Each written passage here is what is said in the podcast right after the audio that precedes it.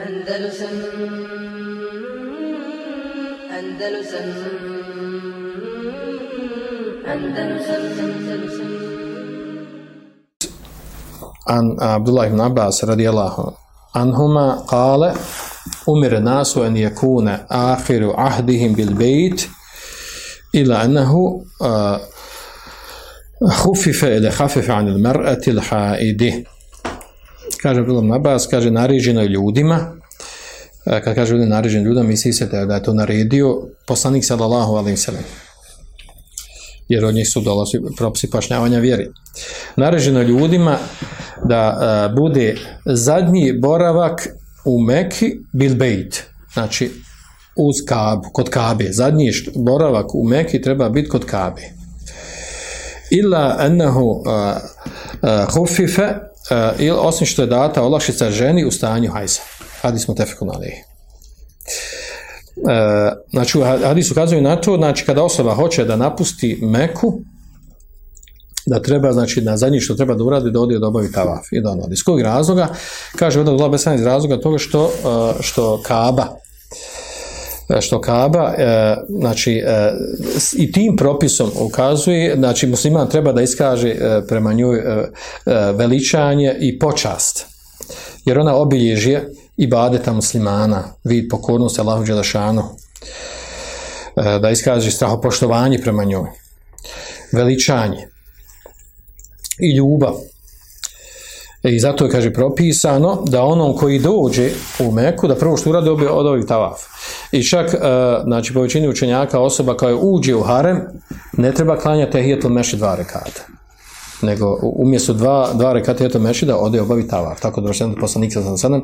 Ima hadis u tom kontekstu, ali to nije hadis, znači nema osnova taj.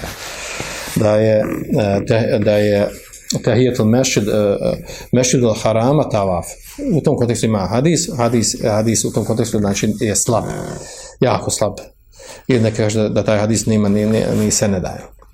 Znači da je da je mešid e, u haremu, da je u stvari tavaf, a ne dva rekata. I to je ispravno, to je većina učenjaka, jer to je praksa bila od poslanika sa sadem i od ashaba, da kada odu u harem, znači nima klanja dva rekata, nego ide se odmah sa tavafi. I to stvari, to, su, to je taj pozdravni ibade kad se uđe u harem. E, znači i kad dolaziš to ti je, e, e, znači e, činiš tavaf oko Kabe i kad odlaziš trebaš zadnji što uradiš da učiniš tavaf oko Kabe. Znači tako je došlo propisano. Međutim ima razilaže ovdje autor naginje tome da je to propisano, da je to propisano osobi koja i koja dolazi da obavi umru i hađ i uopće u bilo kom smislu da dođe u Meku. Ili u harem, da dođe u harem.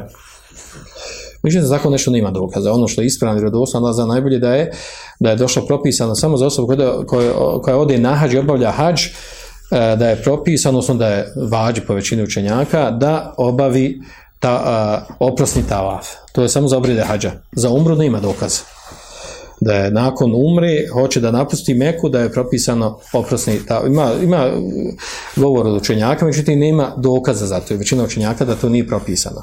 A ovo sad, da u bilo kom slučaju, ako dođeš, a, ti si u prolazu i nije voljaš obride hađa i umre, tako dalje, nije bitno, zadržao se manje i više i tako dalje, da ti a, nisi znači u obridima hađa i umre uopšte, da sad ti trebaš kad izađeš, napuštaš Meku da oba- obaviš tavaf, da je to propisano, tako nešto nema dokaza. Iako ima mišljenje učenjaka koji to kažu.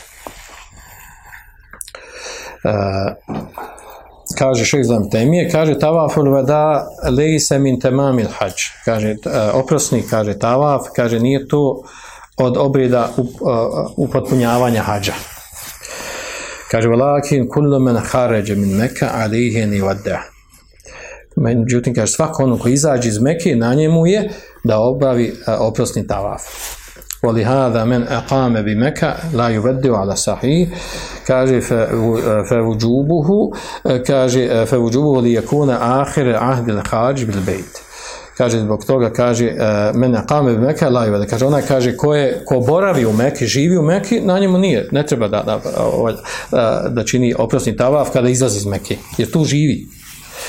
Međutim, onaj uh, kaže ko kaže ko, ko izlazi ko izlazi iz Meke znači, ko dođe u Meku, izlazi iz Meke, kaže, on, e, on treba, kaže, da obavi.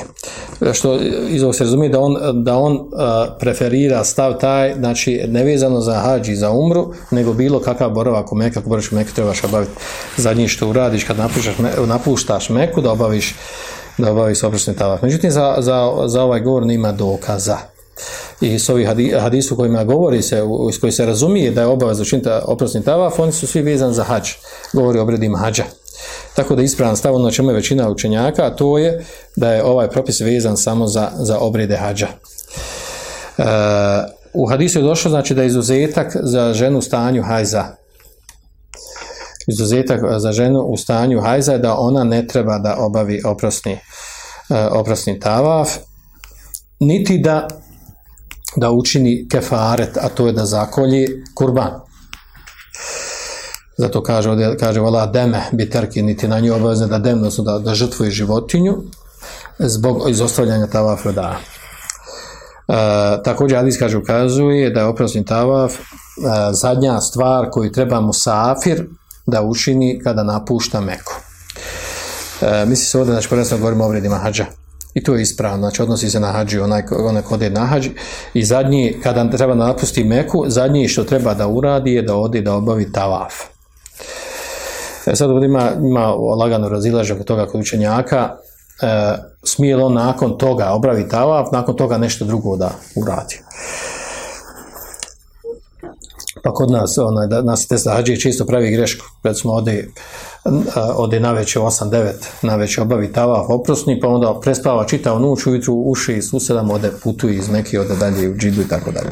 Što je potpuno greška. Znači, znači zadnji što treba da uradi od radnji je da obavi tavaf. Nakon toga, e, izuzetak koji navodi neki učenjaci je to da ode recimo nešto da, da neke trgovine kupi nešto što mu treba usput, ali već hoće da izađe ili da sačeka neko ko će doći od, od društva ili karavane ili putnika koji, sa kojima ide auto, vozilo, prevozno sredstvo i tome slično. Znači neko kašnjenje lagano, malo, ono ne smeta. Ali da obaviš e, noć, dan prije toga 6 sati, 10 sati prije nego što napuštaš meku, to nije ispravno. A često dešava tu u praksi da, da, da pravi tu grešku uh, hađije. Dobro. Uh, učenjaci se razilaze oko oprosnog tavafa, da li je on vađib ili je mustahab. Pa se po ovom pitanju izdvojio ima Malik. Ima Malik je na stavu da je oprosni tavak mustahab od ostala tri mezeba. Da nije vađib. Šta mu je dokaz? Kaže, dokaz je to, kaže što e, što je data olakšica ženu stanju hajza. Da je bio vađib, ne bi da je bilo data olakšica. To mu je dokaz.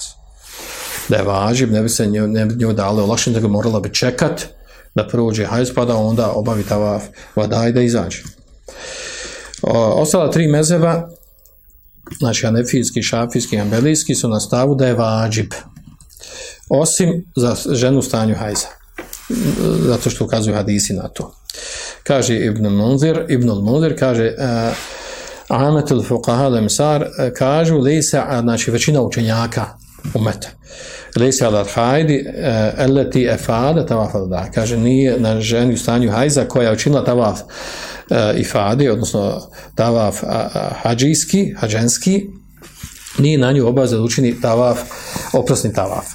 A onda se razila učenjaci oko toga ako ne obavi shodno ovo razilaženje, da li je dužna zaklati kurbanju E, ne govorim uopće, ne govorim za ženu, jel?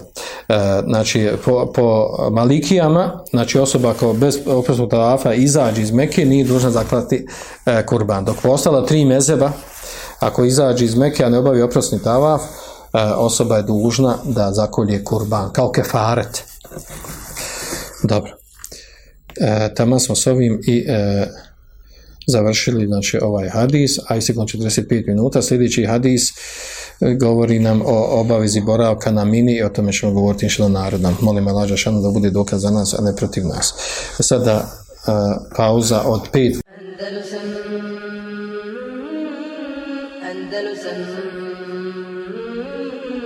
Andalusam Andalusam